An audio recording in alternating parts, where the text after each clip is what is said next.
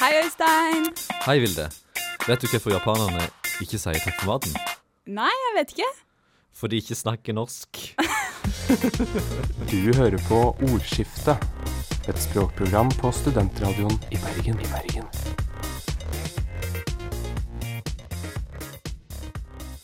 Hei og velkommen til en ny sending med oss her i Ordskiftet.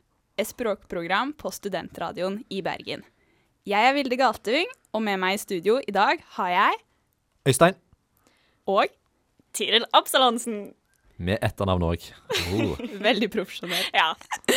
I dag så skal vi se på det spennende temaet hvordan vi lærer språk. Vi skal snakke litt om psykologien bak språklæring, og hvordan det er å lære seg språk i ulike faser av livet. Vi skal også snakke litt om hvordan det er å lære seg eh, språk eh, som voksen. Og så har vel du, Vilde, en uh, språklig brannfakkel til oss. Det stemmer, så det blir spennende. Mm. Og jeg har faktisk en heftig eh, konkurranse på lur også. Oi, oi, oi. Spennende, spennende, spennende. Da tenker jeg vi bare snører i gang. Du hører på Ordskifte, et språkprogram på Studentradioen i Bergen.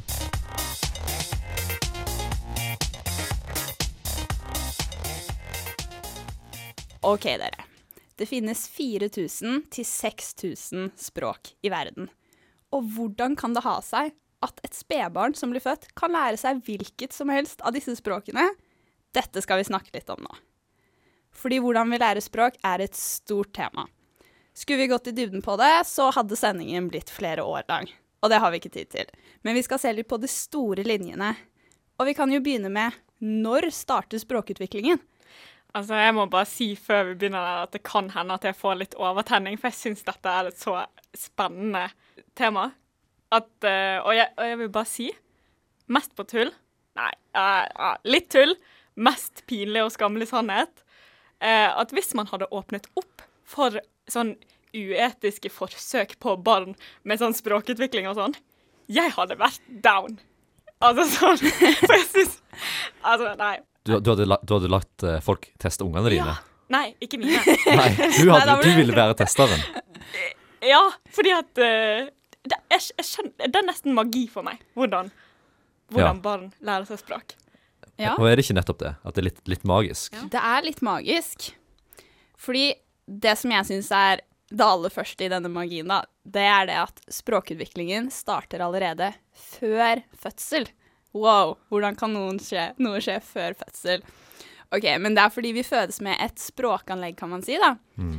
For eksempel menneskebarn, vi blir født med veldig godt utviklet hørsel i forhold til mange andre arter.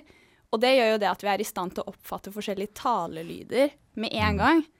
Faktisk så er det noen studier som har vist at veldig små spedbarn de kan høre forskjell på morsmålet sitt og et fremmedspråk. Er ikke det utrolig? Det er ganske drøyt. Ja, Mhm. det er det. Jeg nok en gang, magi. Barn er supermennesker.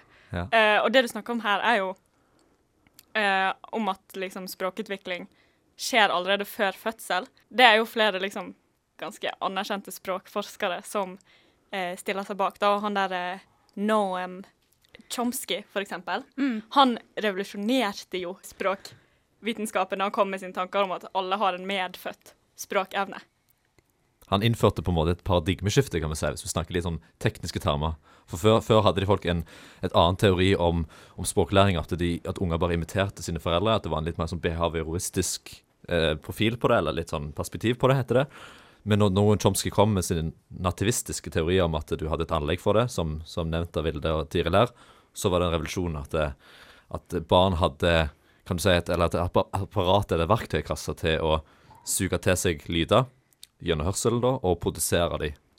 Det som er så fascinerende med, og, og det som ødela denne her kan man si, imitasjonsteorien til behavioristene, var jo at barn de produserte ikke bare setninger de hadde hørt, men de produserte også setninger som ingen hadde produsert fra før av. En unge kan jo finne seg si at det, huset med det blå taket har en nisse som står og driter. Eller et eller annet. Det kan, ingen, kan være det ingen som har sagt det å si før. det. Ja, Ja. det kan være det ingen som har sagt det før. Og da brøt du den det, det kan du si, det ta- tankegangen om at de bare imiterte. De klarte faktisk å produsere noe sjøl basert på det de hadde lært kanskje allerede før fødselen, eller det de kunne litt før fødselen, iallfall. Ja. Men jeg syns egentlig at For når jeg først leste liksom at sånn Det revolusjonerte eh, språkvitenskapen, så var jeg litt sånn Altså det, det høres jo egentlig ganske åpenbart ut når man sier det sånn at man har en medfødt språkevne, på en måte fordi at de aller, aller fleste takler å lære seg språk. sant? Altså, Mm. det, det er nesten sånn Selvfølgelig må man jo ha et, et, noe verktøy for å kunne At man har det medfødt, da. Men det er jo tydeligvis ikke det. Nei, det er jo en evig debatt i alt. Er det medfødt? Er det lært? Mm, Nature-nurture-debatten. Det er den- Den nettopp tar det. aldri slutt. Ikke sant? Ja. Den slutter aldri. Og litt sånn eh, halvveis eh, fun fact. Det som mange ikke vet, er at sånn irriterende babyspråk som vi ofte legger over til når vi snakker med et spedbarn, det er ikke bare irriterende, det er også nyttig. Veldig nyttig for barnas språklæring. Så det er typisk korte setninger, mye gjentagelse, veldig høyfrekvent. Mm. Um, og det som er spesielt med det, er at det hjelper barna med å lære hvor ord og setninger starter og slutter. Så det er, en, eh, det er en grunn til at vi gjør det. Jeg vet ikke, Har dere noen gang merket at dere snakker med en baby og begynner å snakke sånn kjempeirriterende babyspråk? En gjør det jo for så vidt både med små kattepuser og valper og med babyer. En, eh, det er kanskje noe som ligger litt, eh, litt, litt intuitivt hos eh, mennesker at vi gjør det. Kanskje egentlig uten å tenke på det, men det har jo en fordel, tydeligvis. Det har jo blitt debattert lenge, dette her. Um, og, og om at folk irriterer seg over at folk snakker babylyder, at vi burde snakke mer voksen til dem. På til den måten at de vil suge til seg flere ord eller bli utfordra, men, men allikevel helt i begynnelsen så bør de på en måte få etablert grunnlaget, og da er det faktisk det å snakke babyspråk en, en absolutt en fordel. Ja, men jeg syns liksom OK, jeg er en av de som irriterer meg veldig over babyspråk. Fordi at jeg syns selv at jeg, jeg blir så flau over meg selv når jeg begynner å snakke sånn som det. Ja. Um, men når du sier at det er en fordel med det, så, og, jeg, og jeg ser jo den Jeg skjønner jo det veldig godt, at liksom man kan jo ikke begynne med en gang med lange setninger og vanskelige ord. Men samtidig så syns jeg veldig mange drar den for langt. Har babyspråk langt liksom inn i opp i årene. Og det der eh, Snakker babyspråk til en elleveåring, liksom. okay, det går, det går eventuelt an å tilpasse babyspråket, at den er veldig elementært i begynnelsen, og så blir det vanskeligere og vanskeligere til slutt når de begynner på, på, på, på skole eller uh, i barnehage, at de snakker mer voksen til dem, da. Ja, og det gjør man vel gjerne litt naturlig også, ser jeg for meg. Ja, jeg har lest, nylig en eh, Eller nylig, nylig en uh, artikkel av ei uh, språkforsker ved Universitetet i Bergen. Margrethe Cardona heter hun. Jeg tror hun egentlig har spansk som hennes fagfelt. Og hun forsvarte bruken av babyspråk, at folk ikke burde skamme seg over det. For det har en, en veldig sterk fordel ved at du lærer at unger som Vilde sier, at unger lærer seg setningsoppbygning og hva de ulike ordene betyr. Og at de, de får på en måte verktøy eller fundamentet for å lære seg språk videre. Altså Hvis du dropper babyspråket, går rett på voksespråket og begynner å snakke om marxistisk teori til de når de er ett eller to år gamle, så vil deres språkutvikling stagnere ganske, ganske tidlig. da, Eller ikke stagnere, men kanskje komme i gang litt seinere. Ja, Ja. det kan hende. Sånn, det er jo vanskelig nok å være en baby, sikkert. Du har et eh, enormt hode, du kan så vidt bevege deg, du kan ikke snakke, og så kommer noen og ramser opp en eh, vitenskapelig artikkel. Det er jo litt mye, kanskje. Ja, mareritt. Ja. Det er litt dumt hvis du skal begynne på MMA, og så blir du slått ned for da, første timen. Ja. Ja. ja, det er det. Det første som skjer da, når vi selv begynner å produsere språk, det er det man kaller pludring, som man hører hos eh, babyer. Typisk sånn ba, ba, ba, ba, da, da, da, da. Det-. Det høres be bedre ut når babyene sier det. mamma, mamma, mamma, mamma, mamma. ja, det minte om den. Så det er gjerne når vi er ca. et halvt år, da. Og så når man er ett år, sier man ofte sitt første ord. Og hos tre av fire så er dette mamma. Men uh, dette er fra en usikker kilde. Men nå skal jeg være negativ her. Fordi at er det å lære sitt første ord å, å si mamma? Er ikke dette bare eh, testing av eh, bruk av munn? Sa brura, ja. Øystein, det handler om babyer. vi må, og språk. Vi må ha holde oss eh, fokusert nå. Nei, altså, Du kan jo gå spinne ned til diskusjon hva er et ord, da. Og ord er jo kanskje ett eller flere stavinger som kan eh, differensieres ut, altså har en spesiell betydning, da, som kan ses til et begrep. Eh, og det er jo klart at når du sier at det er tre av fire babyer, sa du, hadde mamma, mamma som sitt første ord, ja, den er om det, om det ikke er mer, det er nok sikkert mer. For det er jo nok det første ordet babyer klarer å lage. Eh, og de klarer jo ikke å lage ord som inneholder f.eks. L, for de klarer, de klarer ikke å plassere tunga bak tennene. De klarer ikke å si V, for de har ikke tenner til å lage en V-lyd, osv., osv. Så, videre. så mamma er det nok den eneste Nå hadde jeg litt sånn sørspansk eller mæme eh, aksent på det, men det er nok den eneste liten de klarer å lage over hele fjøla, om de er, om de er født i Afrika eller om de er født i Asia.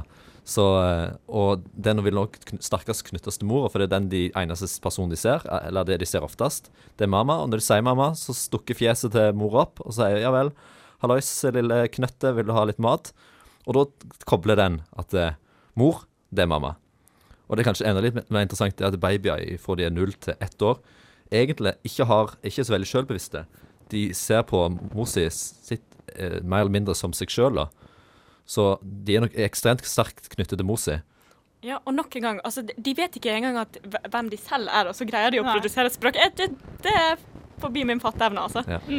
Og da er det kanskje også litt logisk at det er baba eller papa er det neste ordet. For da, når de nesten har lært å lage mamma, altså klart å smelle lippene sammen og bare bla, bla, bla, så klarer de kanskje å lage litt sånn Ha litt mer trykk på det. Baba. Eller pappa. Og da dukker faren opp. Hello, sier han. Hallo, lille knøtte. Vil du, ha litt, vil du spille fotball? Og da skjønner babyen til slutt at det, pappa, det er han der er skjegge, skjeggebassen som uh, spiller fotball. Ja. Men det er jo uh... Det var veldig, det var veldig sånn typiske kjønnsrolle her. Kjønnsrolle ja, jeg merket det.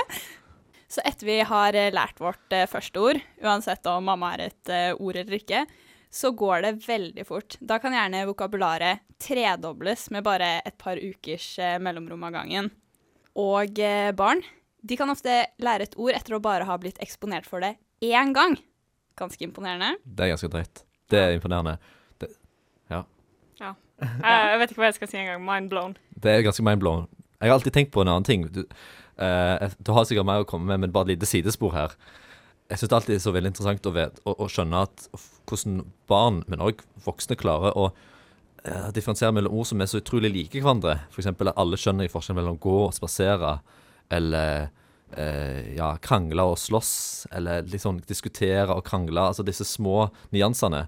At òg babyer klarer jo å skjønne de ganske kjapt. Ofte blir du kanskje korrigert hvis du jobber i barnehage eller skole. At, det, at det, 'Skal du ta på deg hansken din?' 'Nei, det er en vott', kan de si litt sånn kraftig tilbake til deg.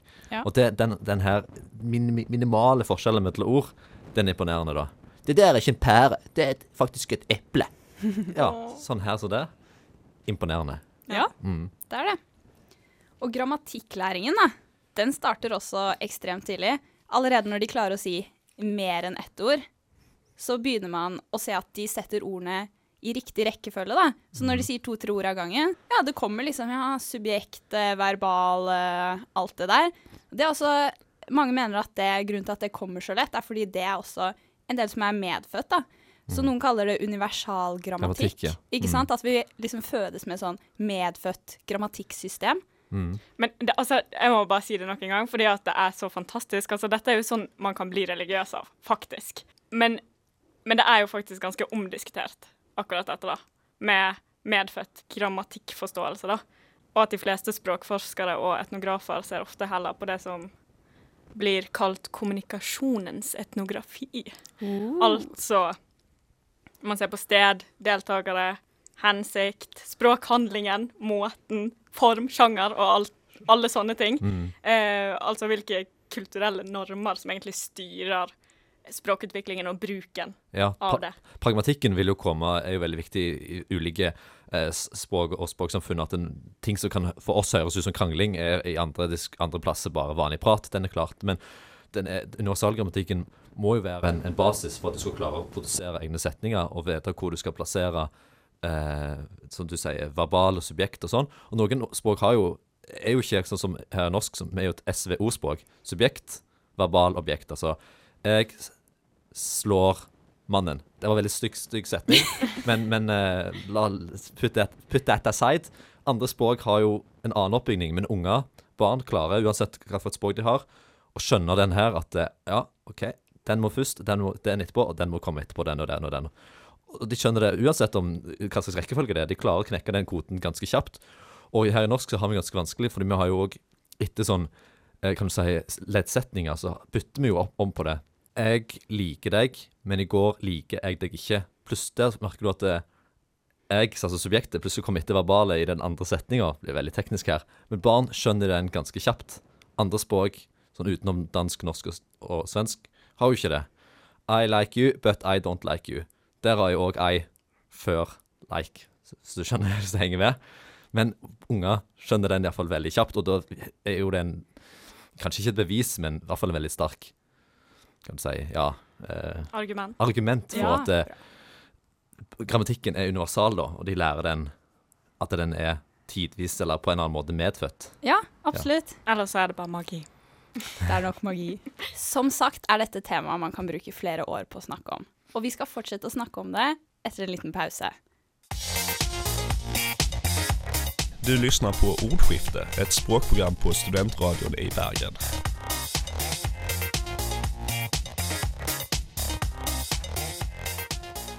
Så for å gå litt tilbake, hvordan har det seg at man lærer så utrolig mange ord så fort i barndommen? Dette er annet gjennom den klassiske, som vi alle sikkert har vært vitne til. Hva er det? Hva er det? Hva er det? Til enhver ting som barn ser. Og dette kan jo også være litt plagsomt da, for den som må svare. Men nok en gang viktig for eh, språkutviklingen og for å utvide ordforrådet. I tillegg så er det en del typiske feil på en måte, som man har tendens til å gjøre når eh, man lærer språk som barn. En ting er at eh, når barn lærer et nytt ord, f.eks. ordet hund, så har man en tendens til å bruke det mye bredere enn voksne ville ha gjort. Mm. F.eks. bruke ordet hund om alle dyr. Ja. Peke på en fugl og si 'å, hunden'. Mm. Det blir jo litt feil. Er det det som heter overeksten overekstensjon? Ja, riktig. Og så har vi også underekstensjon, som er å bruke et ord mye mer snevert enn det egentlig kan brukes. Ah. Eksempel tro at hatt, det refererer bare til én spesifikk hatt i skapet til far. Ja. Mm. Igjen veldig typiske kjønnsrollemønster her i denne Ja, ja. ja. En hatt i skapet. Punktum. Mm. Ja. Så innen femårsalderen allerede, så har de fleste mestret det grunnleggende ved morsmålet sitt. Det syns jeg er ganske tidlig. Det er ganske imponerende. Mm. Men deretter så fortsetter jo utviklingen gjennom eh, resten av barndommen. Og nesten resten av livet, kan man jo si. En annen irriterende ting som barn gjør, i tillegg til Tiril syns jo babyspråk er irriterende. Du syns det er irriterende. Hva er det? Eller hva er det for noe? Irriterende. Men en annen ting som er ufattelig irriterende, det er når unger kommer litt eldre ja, litt oppi litt eldre enn fem-seks år, så begynner de å gjenta setninger til, til liksom det utømmelige. Eksempel hvis du sitter på, på Bybanen, så sier for en, en, en unge en setning Den setningen ti ganger etter hverandre. Eller en annen setning ti ganger etter hverandre. Har dere opplevd det?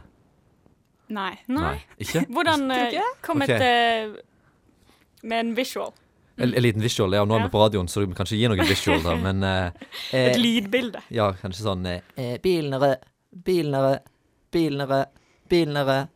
Det er et veldig dårlig eksempel, men det har jeg lagt merke til at unger gjør. Ja. Og det er nok for å øve seg på en annen nytt, en nytt ord, eller en ny, en ny en lyd. Si en, ja, en ny lyd de har lært seg, og så øver de seg på det ved at de gjentar det og gjentar det og gjentar det. ja, det gir Ja. mening. Men det kan jeg egentlig digge. Jeg skulle ønske jeg var sånn jeg lært med russisk at med en gang jeg hørte et nytt ord, så bare satt jeg der og bare pugget det, liksom. Det, det må jo være veldig effektivt. Mm. Ja. Det er det ganske effektivt. Du får Kanskje, begynne med det når du sitter på Ja, Bybanen. ja. kanskje, du, kanskje du gir oss en s- Ja, unnskyld. Ta hund, for eksempel. Sitte og sabaka, sabaka, sabaka på bybanen. Da får du mange venner. Ja. Da får du mange venner på eh, Sandviken sy- sykehus. det er nettopp det. Men jeg sa jo at man lærer sitt første ord når man er ett år. Men tror dere dere klarer å gjette hvor mange ord man typisk kan når man er 18 år? Og jeg tipper um, 18 000. 000 ord for hvert uh, okay. leveår. Du, du sa noe at du måtte gange det, at det tre, fordobla seg. Et, jeg vet ikke hvor ofte det tredobla seg, sa du. Men det må jo stagnere. Eller? ja. Er det av det kan stige når du begynner på skole, og så, Ja. så suger de til seg noen bøker, eller leser litt Harry Potter, og så er det litt uh, Vigardium Ja. leviosa der, og da er det bare bam, og Det så er mange Ja. Det er mange sånne nye ord. Uh, altså, når de er 18 år uh, Jeg vet ikke hvor mange ord har vi i norsk. Eh, eh, Cirka 300 000, tror jeg. da sier jeg 100 000, da. Jeg, jeg, jeg smeller jeg smeller i gang. På 18 år, du sa? Ja, altså, wow, da skal jeg si eh, Øystein. Det var riktig. Hæ? Ja. What? Oi, jeg var 100 000 langt ord. vekke. Hvordan går det an? Ja, det er helt sykt. Men du, du sa 18 000? Ja, Da jeg har seg lest at for eksempel Ibsen brukte Ja, kanskje det ikke er eh, sammenlignbart, men 58 000 ord i sine Men dette er jo stor forskjell mellom da eh, to andre språklæringsbegrep vi har. Så er det jo forskjell mellom kompetanse og performanse. Competence and performance. Selvsagt kan unger masse, masse ord. Altså du har masse sånne språklig bevissthet og metaspråklig bevissthet. Det er din kompetanse. Men din performanse, altså de ordene du uttrykker, det er av og til vanskeligere. Vi snakker om ofte om et passivt og et aktivt ordforråd. For eksempel så har nok Ville et ekstremt høyt passivt ordforråd når det kommer til dansk, men du klarer nok ikke å produsere et eneste dansk ord. sant? Hva det vet du om det? Ja, jeg burde kanskje tatt meg sjøl som eksempel, men det gjelder meg, da. Jeg klarer å lese dansk, klarer å høre dansk, klarer ikke å uttale noe dansk. Og det er kanskje litt det samme i Ibsen. Ibsen kunne sikkert tonnevis av ord, men det var kanskje ikke nødvendig å bruke mer enn 58 000 ord i hans eh, dikte. Ikke sant? Jeg ser, for meg, jeg ser for meg at en del av ordene er sånn man nesten aldri får bruk for, men man har det. Ja. Sånn som gjengangere. OK, men dere, vi må snakke om en annen ting. For språk er ikke bare vokabular og eh, grammatikkregler. Det er også et sosialt fenomen. Og det å lære språk handler også om å lære å holde samtaler. Og det kan være litt utfordrende for eh, barn. Og, og Vilde. og Vilde. Det var jo veldig sånn hate for deg i dag. Ja, veldig, men eh, det er greit. Jeg tåler det. Men ikke sant, fordi samtaler det handler jo annet om turtaking. Det er viktig. Jeg snakker, du snakker, jeg snakker, osv. Og så er det også det å faktisk snakke om det samme temaet. Det er der det kan være litt vanskelig for kidsa. Ja, snakke over hverandre. Ikke sant? Mm. For gjerne så kan de vise at uh, de mestrer turtaking. Så det høres ut som de har en ganske moden samtale. Men hvis man hører nærmere, så hører man at de snakker om to helt forskjellige ting, gjerne. Du burde nesten hatt et eksempel av det. Ja, fordi jeg fant et lite eksempel, da. Faktisk en av eh, psykologilærebøkene mine. Jeg syns det var litt morsomt. Så for eksempel så kan Per si 'Jeg tegner et fly'. Så svarer Åse 'Gress er grønt'. Per sier 'Fly kan fly fort'. Og Åse svarer 'Jeg spiser gress'. Flott eksempel på en uh, samtale mellom barn. Flott eksempel på en kommende pilot og en kommende stoner. Det er sånn. Øystein, det er gullkorn på gullkorn eh, i dag på deg. Så alt i alt, det er mye som skal læres dere. Fra grammatikkregler og hva ordet hun egentlig refererer til, til det å kunne snakke sammen med andre. Vi går videre. Du hører på Ordskiftet, et språkprogram på studentradioen i Bergen. I Bergen. Nå skal vi over til et nytt avsnitt som vi kaller En språklig brannfakkel. Et tema som vekker sterke følelser hos mange, er KJ-lyden. Altså lyden vi bruker når vi sier kino eller kjole. Mange barn sliter med å lære denne lyden, til voksnes store fortvilelse. Men hvor viktig er det egentlig å kunne si kjøkken og kylling? Man forstår jo hva noen mener, selv om de sier kylling og kjøkken. Hva tenker dere om dette? Du for eksempel, Tiril, har du noen sterke meninger her? Ja. Vi må spørre bergenseren først.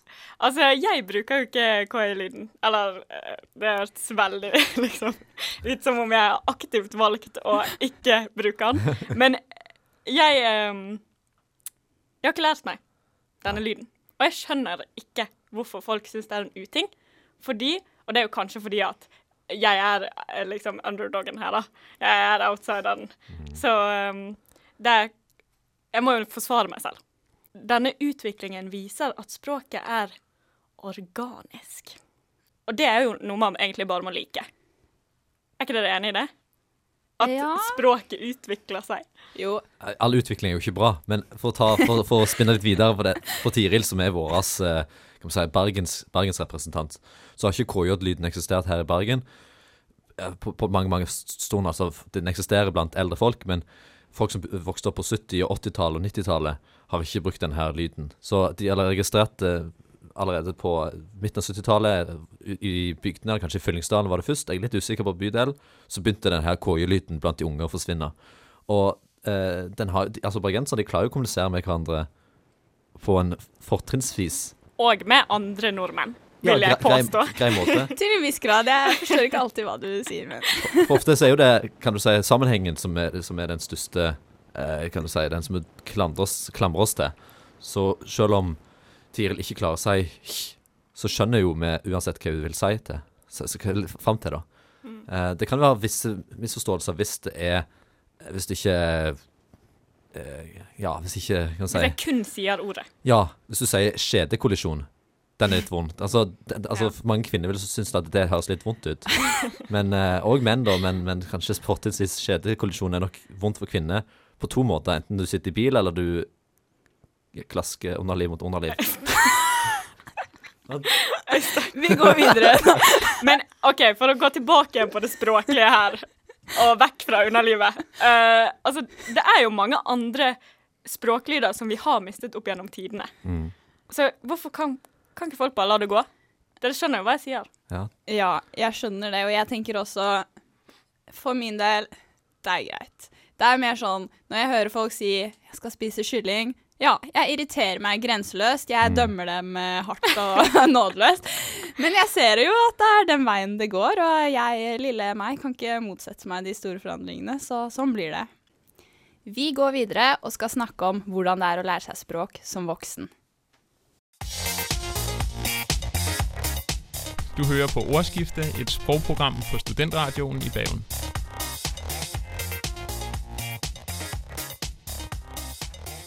Da er vi tilbake igjen for å snakke om språklæring i voksen alder. For det er mange som ikke nøyer seg med morsmålet sitt, men går inn for å lære et annet språk i tillegg. Dette er derimot lettere sagt enn gjort. Kanskje er det uttalen man sliter med, kanskje verbbøyningen som går litt trått. Men hvorfor er det så mye vanskeligere å lære seg et språk når man er voksen? Jeg tror at det har noe å si hvordan man angriper språklæringen som voksen. Eh, blant andre faktorer også, da. Og at istedenfor at man får det inn gradvis ved å høre det konstant, og sånn som eh, seksåringer sitter på bu bussen og innøver ting og pugger gloser av seg selv, eh, så ser man heller på grammatiske systemer og, og gloser, da. Ja. Det er noen kombinasjoner kombinasjon av både innfallsvinkel, altså den måten du lærer deg på, men òg rent sånn kognitive ting. Altså eh, på et visst punkt så er jo hjernen vår utvikla, eh, og når, når eh, unger sin språklige kognisjon den er jo en kritisk periode, det er jo når de er eh, veldig tidlig alder, og den, så begynner de på en måte å bli mer og mer degenererte, kan man si, når de nærmer seg tenåringsalderen. da. Eh, Så det er jo kanskje litt paradoksalt at i norsk skole, så lærer vi et- tredjespråk, eller fremmedspråket vårt, i den tida der ungdommen både er A, minst motiverte for det, og B, kanskje på det mest språklige dumme, da. Eh, men allikevel så er det, er det nok mange faktorer som er med på å gjøre det veldig vanskelig. Både det at de, den universalgrammatikken som vi snakket om litt tidligere, den er måte, si, den er litt, den er litt fos- fossilert. Den er litt sånn stoppa. det er, en morsmål lært, så stopper den utviklingen. Men òg at munnen din er tilpassa din dialekt eller ditt språk. Så det er litt vanskelig for for eksempel eh, Ja, det er litt vanskelig for en dansk å, snakke et annet språk, for vi vil kanskje høre fort at denne personen er fra Danmark. Eller hvis du er i Norge og du snakker med en russer, så vil høre at denne personen er fra russer, selv om personen snakker norsk. Så munnen din blir på en måte litt forma, og tunga dine er litt vant med å gå i de samme banene som en alltid pleier å gå i. Og det å liksom om, ja, lære munnen til å ta litt nye, nye svinger og nye veivalg, det er litt vanskelig.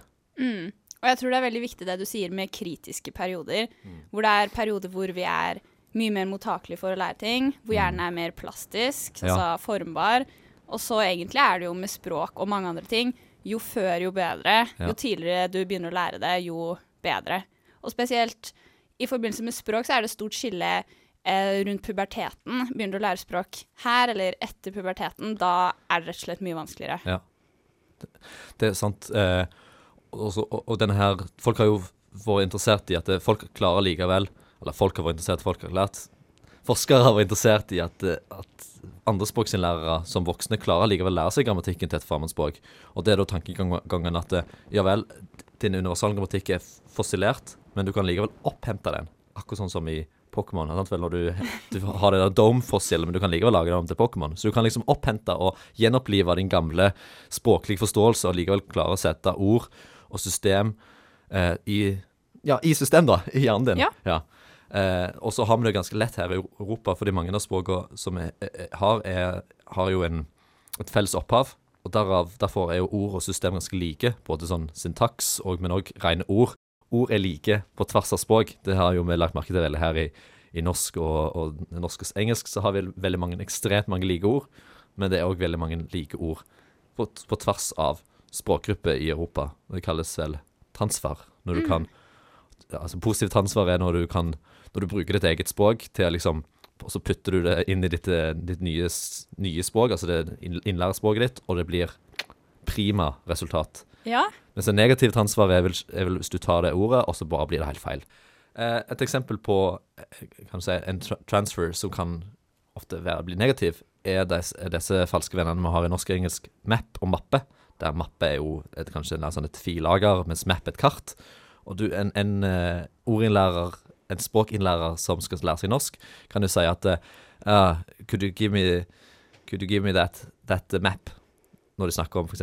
om kart, og det vil ikke uh, Og kan være at han får tilbake en, en, eh, mappe. Eh, så det finnes jo eksempler på eh, ja, visse transfers som kan eh, ikke nødvendigvis være overførbare, da. Ja, det er litt ugreit. Men så har det seg også sånn at eh, vi i studio har litt erfaring eh, selv med språklæring i voksen alder. Hva tenker vi om eh, hvordan det er å lære språk nå? Jeg studerer jo russisk, så det er jo noe jeg holder på med på daglig basis. Og jeg syns egentlig at det er veldig vanskelig. Det er utrolig vanskelig, i hvert fall sånn som vi har snakket om, det med å få munnen til å gjøre ting som man ikke er vant til. For eksempel, i russisk så har man stemte s-er, og det sliter jeg så utrolig mye med. Og så er det jo masse grammatikk også, og eh, ordforråd som også liksom henger etter, da. Eh, Mm. Og det tar jo fem til syv år å lære et språk ordentlig godt hvis du begynner i voksen Ja. alder. Ja, det kan Og og 57 det er jo sikkert òg veldig avhengig av måte mengden du er der, eller om du bor i landet eller ikke, og eventuelt også din medfødte kognisjon. Vi skal jo ikke legge skjul på at det kan også ha noe å si. Eh, men russisk er absolutt et eksempel som Tiril lærer, som er jo et veldig veldig vanskelig språk i forhold til meg, som jeg, jeg, holder på å lære meg spansk, eller kan litt spansk, og spansk er et språk som er kan du si, lettere for meg å kunne, for jeg kan ta i bruk eh, mitt eget morsmål, jeg kan bruke, ta i bruk engelsk, og syntaksen er relativt lik. Det er et språk som er, ja, har veldig vanskelig verbøyning, men utenom det så, eh, så er det veldig overførbart, da. Mens russisk har kanskje flere ukjente ord. Ja, Ja. nå skal vi ikke gå i dybden på Ja, jeg har litt den samme mm, erfaringen, for jeg også lærer meg spansk. Ja. Og det har jeg jo gjort de siste tiårene, ikke sant? Så det tar jo sin tid. Jeg merker jo Jeg har jo ikke Jeg høres jo ikke akkurat ut som en innfødt heller når jeg snakker det. Nei, men det er jo det med språk at liksom Det er jo ferskvare som man må holde på med hele tiden. At hvis man Det går lang tid, så rustner det, liksom. Ja, og da, så er det òg det å våge seg ut på å faktisk prøve seg. Eksempel, eh, det kan fort være når du snakker spansk eller holder på å lære deg spansk, og så har du ikke brukt det på en lang stund. Og så skal du tilbake igjen, og så blir du litt usikker, og så blir du litt sånn Me llamo Øystein, eh, yo soy un hombre, eh, muy, muy bueno. Du får liksom den samme både tonefallet, men den samme liksom måten å snakke på som du er vant med å snakke fra før av, da. Eh, og nå tror jeg jeg hadde litt sånn Oslo-svung over min spansk, da, men eh, no offence. Veldig fint. Mm. ja.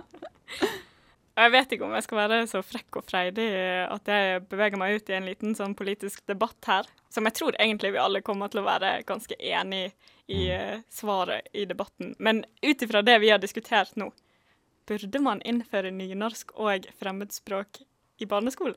Det enkle svaret her er jo et rungende ja. Ja. Ja, Hva tenker du, Øystein? Er du enig? ja, jeg, ja så, så hvis du eh, jeg, jeg, jeg, kan, jeg, jeg er nøytral på den. Oi. OK, interessant. Trodde det skulle være et rungende ja her i studio. Ja, men altså, det, det, Vi er jo et språkprogram, så vi burde snakke språkets sak. Men jeg, jeg er allikevel klar over at det finnes andre fag i skolen som kanskje òg er viktige. Det er et godt poeng. Jeg er ikke enig, men jeg ser poenget. Men da går vi videre til en liten språkkonkurranse.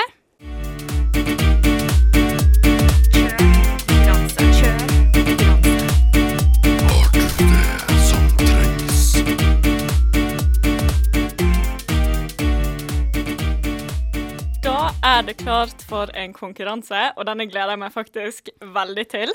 Um, jeg har sendt melding til alle mine venner og bekjente. Alle to. Fy faen. På bildet, Øystein. Nå, ja, nå, eh, det er litt sånn fiendtlig stemning her i studio i dag. Men vi liker det. Vi liker det. Um, og spurt de om de hadde noen ord som de sa feil når de var små. Så eh, det kommer nå en quiz hvor jeg kommer til å si et ord, og så skal dere rope ut navnet deres for å få ta ordet og si hva dere tror dette skal bety.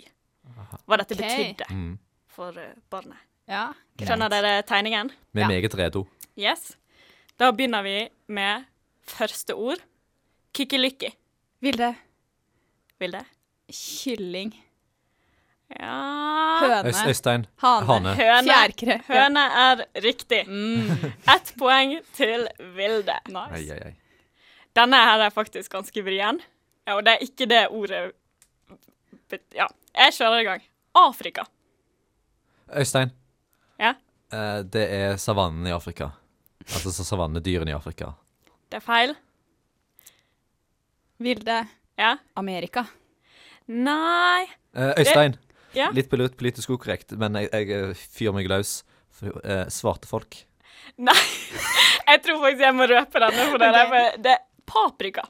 Oi. Oh. Ja. Altså, jeg, jeg tenker med en gang at unger er liksom rasistiske. Ja, Ja. de er jo ofte det. ja. Vi går videre. Uh, ingen poeng eh, denne runden. Eller dealbil? Uh, Øystein. Elektrisk bil. Nei, det er feil. Ai.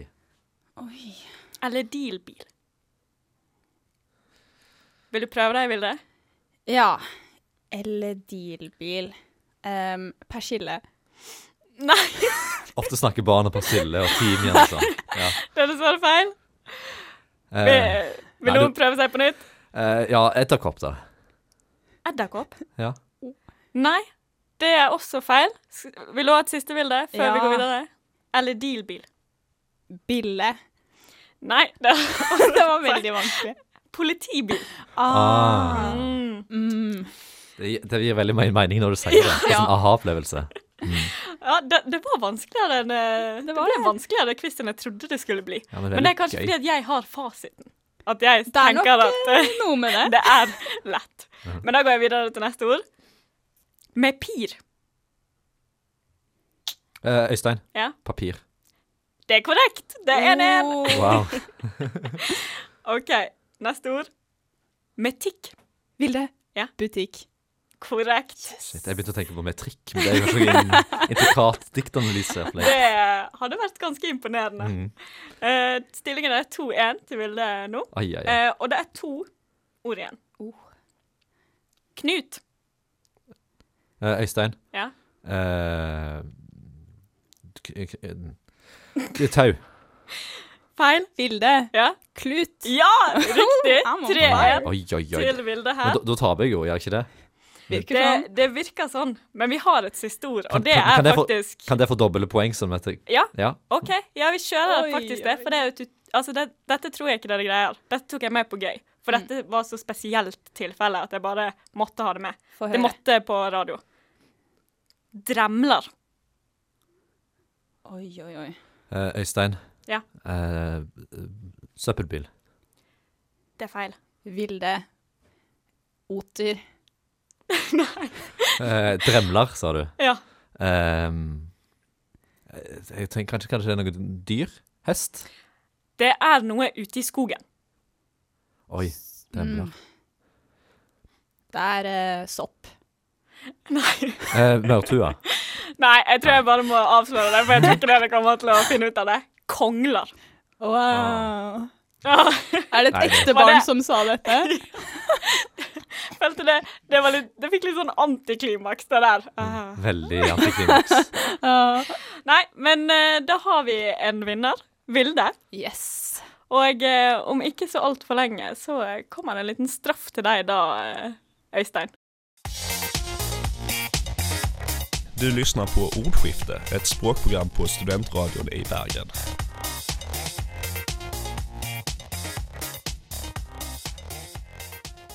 Det var alt for denne gang. Men det gjenstår jo en liten straff. Ja, og eh, straffen din, Øystein Det var egentlig bare rett og rimelig at du tapte, egentlig. Fordi at du hadde fått en straff uansett. Etter eh, lite, en liten mislykket fotoshoot vi eh, hadde hvor eh, Øystein eh, ikke dukket opp på programbildene våre. situasjon forrige uke, ja. Ja. Men, men det er vann under broen, som eh, man sier. Det er bare bevis på at hjernen ikke kan stoles på. Ja. Eh, Så straffen din, den står i stil med sendingen. Du skal avslutte nå på babyspråk. Han vil ikke det. OK, Blir da. du trøndersk? Snakker ikke alle babyer trøndersk? OK, jeg skal prøve dette her, da. Uh, um, det var alt vi hadde for denne gang, dess, dess, dessverre. Men fortvil tvil ikke, for vi er tilbake neste uke. Mens du venter på Jeg vet ikke helt hva jeg syns om dette. Men fortvil ikke, for vi er tilbake neste uke. Mens du, mens du venter på en ny episode, bare klikke og Bare å klikke. Fortsett! fortsett. Øystein, du må fortsette. Straffen er ikke over. følg, følg oss på Facebook, Ordskiftet, et språkprogram på Studentradioen i Bergen, og følg oss på Instagram, Ordskiftet. Prøvde du nå å snakke som en voksen som snakker til en baby, eller som en baby? Jeg, jeg vet ikke hva jeg gjorde selv. Jeg, følte egentlig at jeg, var en, jeg hadde snakket som en utlending som hadde blitt slått veldig hardt i hodet, men ø, Ja, men det var bra. Det var bra. Jeg Det ble er helt varm her nå. Ja. Ja, men uh, hvis det har seg slik at du vil lære enda mer om språklige finurligheter, og ikke får eh, nok av våre vakre stemmer, da er det bare å lytte til de andre godsakene fra oss som eh, befinner seg på Spotify, srib.no, eller der du ellers lytter på podkast. Vi snakkes. Ha det bra! Ha det. Þakka þér fyrir að hlusta á ordskiftet. Gefðu okkur like á Facebook-síðan okkar, svo heyrjumst við um viku. Du hører på Ordskiftet, et språkprogram på Studentradioen i Bergen. I Bergen.